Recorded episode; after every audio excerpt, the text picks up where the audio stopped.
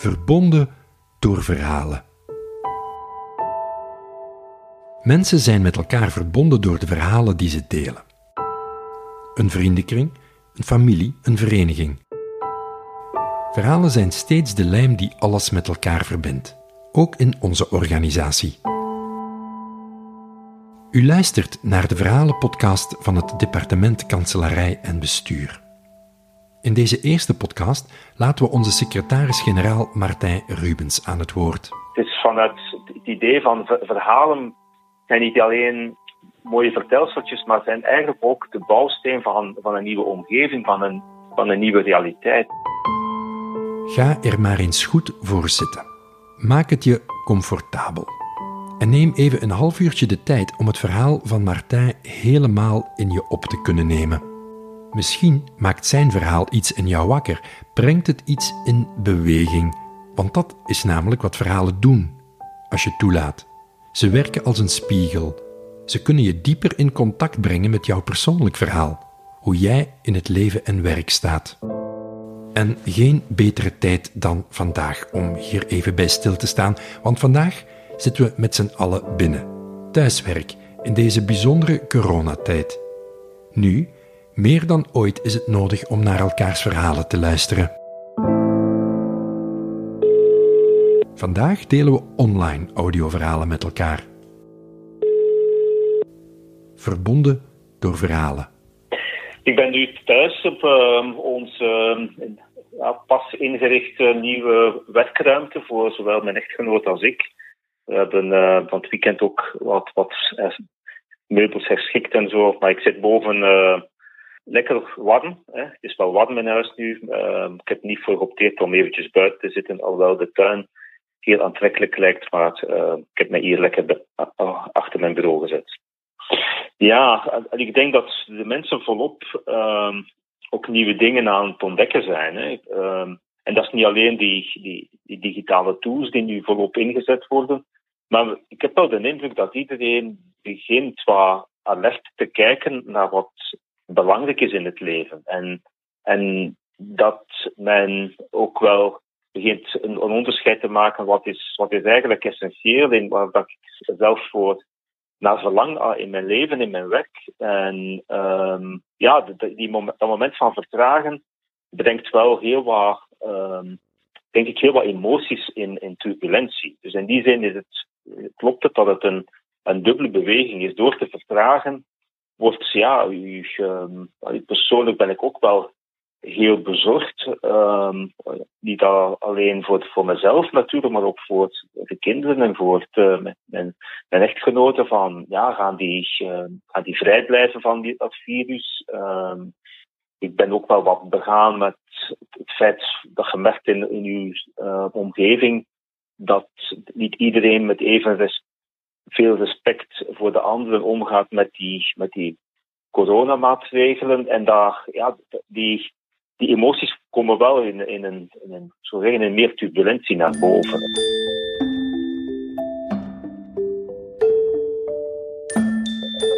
En tegelijkertijd, ja, voel ik ook wel, het is misschien wel goed van, van eventjes nu dat moment te hebben van te kunnen reflecteren. En zeker nu voor mezelf in, dat ik in een positie ben om um, eigenlijk in, binnen een paar maanden een nieuwe rol op te nemen in, in de organisatie ja, voor mij is het wel ook een, een, een goede combinatie eigenlijk. Van momenten hebben om na te denken over welk, hoe vul ik die nieuwe rol in.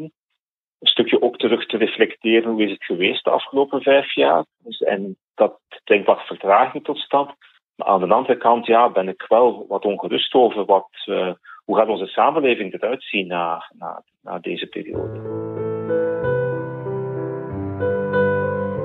het verlangen dat ik had om zo'n organisatie, zo'n wendbare organisatie te kunnen uitbouwen, toont zich nu wel in de feiten dat dit wel, uh, en nu ben ik misschien uh, niet bescheiden genoeg, maar ik vind dat we daarin echt tonen dat we dat goed gelukt hebben. Uh, dat dat goed gelukt is. Beslissing om, om in lockdown te gaan, ook als organisatie, was voor mij ook wel wat een, ook een verrassing. En, en um, het, het vroeg mij ook, ja, wat, wat, moet ik nu doen als leidinggevende? En uh, ik wist natuurlijk dat in de eerste vuurlinie zaten Joris en Manu, de, de twee medewerkers van het uh, crisiscentrum op Vlaams niveau. En ik zag ja, via het mailverkeer, wat die ze mij een kopie zetten, dat ze heel snel de draad oppikten en, en hun ding, waar dat ze eigenlijk um, ook een expertise in zat, ook oppikten. Totdat in het weekend eigenlijk ik een mail van hen kreeg, dat ze bijna een, ja, een, een hulpmail van oei, dit neemt nu wel zodanige proporties aan, dit hadden we eigenlijk niet op voorhand ook ingeschat. We zijn ook verrast en we worden eigenlijk overdonderd met, uh, met vragen en we kunnen het echt niet aan om, uh, kunt je niet wat hulp sturen? En, en ja, en voor mij was het ook ja, op dat moment nog, nog onduidelijk. Ja, wat voor hulp hebben ze eigenlijk nodig? Wat, wat moet er eigenlijk allemaal gebeuren? Um, en ja, wat ik, wat ik dan dat weekend gedaan heb, is, um, is een mail gestuurd naar een, een dertigtal mensen met de mail van Joris en Manu geformuleerd en gezegd, kijk, dit is wat dat, dit is de hulpkreet van Joris en Manu. Wie, is er wie is er bereid? Wie ziet, wie ziet um, een mogelijkheid? Wie ziet um, een, een, een, rol voor, zich, voor hem of haar weggelegd om, om, om mee te, op de trein te stappen van Joris en Manu? En ja, bijna onmiddellijk na het uitsturen van de mail hebben heel veel mensen positief gereageerd. Ze hebben dan zelf Joris en Manu gecontacteerd. En ja, op twee dagen tijd was er een expertenteam up and running die een vergaderritme had afgesproken, die een werkverdeling had afgesproken, die een planning had afgesproken, die um, ja, concrete dingen al opgezet had, online gebracht. En dan weet ja, dat, dat, hoe, mooi is dit? En dat, dat is wat ik bedoel met die, met die ongelooflijke wendbaarheid wat die, die mensen daar, daar vertoond hebben. En uh, dan, dan kan ik alleen maar daar gelukkig van worden. dat, hoe dat ik er naar kijk, naar zo, dat is, eh, waarom dat een, een, eh, een voorafgeschreven procedure volgens mij niet werkt, is omdat een, een samenleving is als een als systeem, is niet, je kunt het niet vergelijken, of velen menen het te mogen vergelijken met een puzzel. Hè. En de puzzel is nu eigenlijk in duizend stukken van de tafel gevallen en nu moeten we eigenlijk die puzzel op een mechanistische manier terug in elkaar passen. Maar dan gaan we voorbij aan het feit dat onze samenleving, en ik, spreek liever over de samenleving, maar ook over een organisatie, als een levend organisme, als een iets dat, um, dat voortdurend in beweging is en voortdurend zich aanpast en zich, en zich nieuwe vormen aanneemt naar gelang de, de omgevingsfactoren de, zich er anders aan, uh, uh, zich anders aandienen. En op het moment dat, dat je alleen werkt met wat, wat je vooraf bedacht hebt, ga je nooit meer uh, echt in voeling gaan met wat er zich op dat moment uh, in, dat, in dat organisme aan het, aan het gebeuren is. Die, die, en de complexiteit maakt dat dat organisme eigenlijk voortdurend reageert op, op, op signalen en soms contradicteus, soms is, is het zelfredzaam uh, een, een, een organisme, maar dat, zo is de samenleving voor mij ook. En, en elke organisatie is voor mij ook zo, zoiets iets dat voortdurend in beweging is en niet te vatten is als een, ah, niet te vatten is in, in een, je kunt er geen plan van tekenen van hoe dat een samenleving werkt. Een, samenleving groeit als een boom, groeit als een plant in, in de natuur.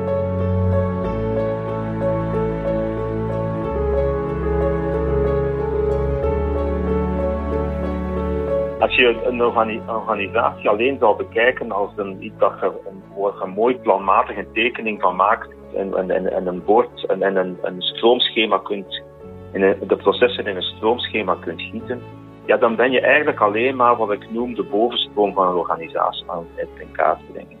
Maar er is iets zoals wat ik noem, en dat is voor mij de, voeding van dat levend organisme, de onderstroom um, in een organisatie, dat is eigenlijk de, het DNA van de organisatie, de kleur die, die een organisatie krijgt en die voelt als je ergens in een bepaalde ruimte binnenkomt van die organisatie. Dat zijn de, dat is het arbeidsethos dat er eerst, dat zijn de, de, de, de, overtuigingssystemen die daar aanwezig zijn, maar, maar ook de waarden die, die, die belangrijk uh, gevonden worden in zo'n organisatie. Het is die onderstroom die eigenlijk voortdurend een heel turbulent iets is en, en een, een woelig patroon kan, kan hebben. En die eigenlijk iedere keer dat je die, dat, bovenste gaat, gaat beïnvloeden. En als je eigenlijk uh, kijkt naar wat er, wat zich zichtbaar aandient aan een organisatie, ja, dan heb je, uh, heb je, maar, heb je maar een heel klein visueel stukje. Het is als je hebt met het topje van de ijsberg van een organisatie in beeld dan.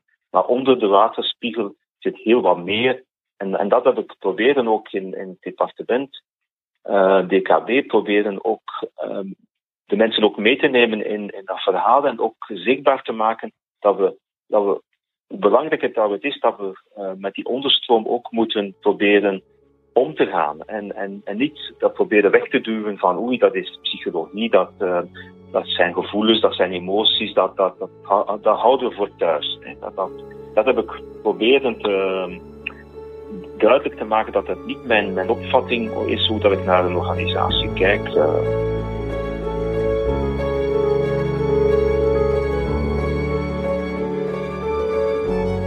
Ja, ik heb natuurlijk in, in, in, die tien jaar dat ik nu deze rol heb, heb ik verschillende periodes ook meegemaakt. Ik ben erin gestapt in mijn rol als leidinggevende vanuit een overtuiging, ik ga het echt anders doen dan mijn voorgangers. Uh, en na een drietal jaar merkte ik van, oei, ik ben eigenlijk hetzelfde aan het doen als um, wat, wat er altijd al gebeurd is en ik kom niet los uit dat, dat patroon. En en ik ben ook zelf op persoonlijk op zoek gegaan, wat, wat, wat betekent dat nu juist? Wat betekent dat voor mezelf? En ik ben ook wel wat dieper beginnen graven in wie dat ik ben, van waar dat ik kom, vanuit mijn opvoeding en, en hoe ik in een relatie sta. En, uh, ik, heb ook een stuk van mezelf leren ontdekken die ik wel, uh, dat ik zelf wel van verrast was, uh, van dat ik in het leven sta. En, en het was ook duidelijk dat ik bepaalde paden die ik aan bewandelen was, uh, dat ik alleen maar kon groeien als ik dingen ga beginnen doen die echt uit mijn comfortzone gingen. En persoonlijk heb ik dan in, in, het, in die persoonlijke opleiding gevolgd samen met mijn echtgenote, hebben we ook um, samen een dansvoorstelling gekregen als eindwerk. En die dansvoorstelling was voor ons, dans was iets dat echt voor ons twee echt uh, not done was. We deden dat nooit, we, we, deden dat zelfs niet graag. En dat was echt uit ons comfortzone gaan stappen. Maar we voelden dat door uit die comfortzone te stappen en door in die dans te gaan, dat we eigenlijk een nieuwe taal aan het ontwikkelen waren. Een nieuwe taal waarmee dat we ook beter met elkaar in dialoog konden. En dan dacht ik, ja, als, het, als, als ik dat die weg zet in mijn persoonlijk leven, hoe zou zich dat vertalen naar mijn organisatie? En dan ben ik ook gaan beginnen verkennen van hoe kan ik nu die organisatie in beweging brengen door zelf ook uit mijn comfortzone van eh, secretaris-generaal in een mooi groot kantoor op de negende verdieping, omringd door een directieraad, die, voor mij de buffer was met de, de andere personeelsleden, die, uh, die mij de illusie gaf van dat ik, uh, dat ik alles onder controle had. En ik dacht, nee, daar moet ik ook dat comfort dat mij daar aangeboden werd, ook door mijn voorgangers, dat moet ik eigenlijk loslaten. En ik moet, ik, moet ik eruit stappen. En hoe kan ik daar best uitstappen? Ja, ook heel fysiek.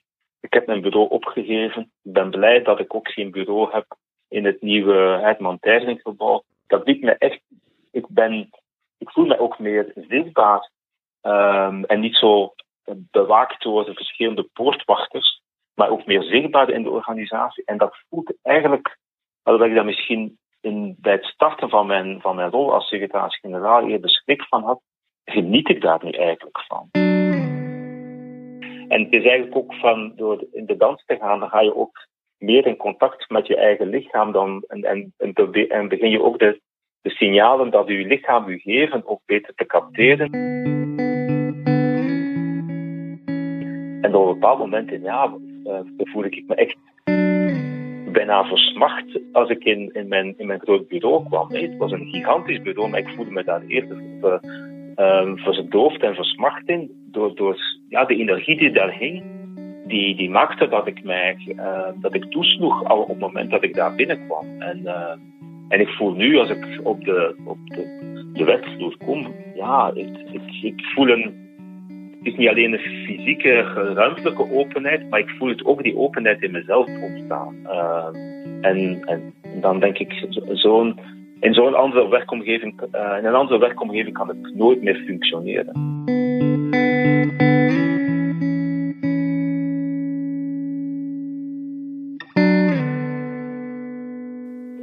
De laatste drie, vier jaar heb ik heel veel uh, mooie gesprekken ook gehad met mensen over hoe dat ze, hoe dat ze uh, met personeelsleden in het departement ook over hoe dat ze in hun werk staan, hoe dat ze um, zorgen hebben over um, hun loopbaan, zorgen hebben over de, manier van functioneren, um, het zelf, zichzelf ontdekken. En dan vond ik die gesprekken ook zeer, altijd zeer hartverwarmend, dat mensen eigenlijk ook ja, heel gemakkelijk ook naar die onderste, naar die diepste laag konden gaan van hoe dat ze zich bij voelden, welke emoties dat dit met zich meebrengt. Maar omgekeerd ook. Uh, en, um, als een concreet voorbeeld um, hebben we kunnen ervaren dat um, ja, de regeringsbeslissing die genomen is naar mij toe, als in mijn functie, naar mijn rol, natuurlijk voor mij heel, heel ingrijpend en is voor mij ook was ook emotioneel heel zwaar om dat te verwerken.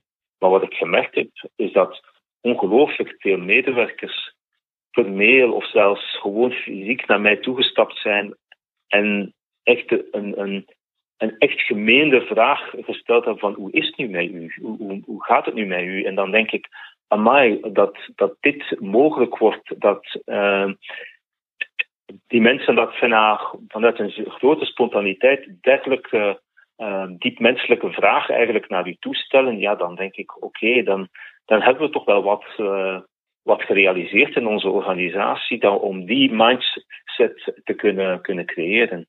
En ik krijg ook signalen binnen van eh, nu dat we de transitie aan het maken zijn naar, het, uh, naar de nieuwe omgeving. Ja, en, en als er dan wat teruggeblikt wordt over wat is we de afgelopen jaren, dan heb ik toch een paar mensen gehoord die zeiden van deze manier van werken die we nu geïnstalleerd hebben met zelfsturende teams, dat heeft me eigenlijk als persoon heel erg, erg veranderd. En dan denk ik, amai, um, wat, wat, wat, hoe, mooi is dit? En, en verandert in positieve zin. En dat mensen van zichzelf beschrijven dat ze opengebloeid zijn, dat ze, dat ze zichzelf beter hebben leren kennen. Ja, dan denk ik, ja, dat, dat daarvoor, daarvoor heb, eigenlijk heb ik daarvoor, daarvoor ook gedaan. Alhoewel ik dat nooit gepland had van het daarvoor te doen. Hè. Maar als ik daarop nu terugblik, dan denk ik, oké, dan heb ik eigenlijk wel iets moois uh, kunnen, kunnen neerzetten in deze organisatie.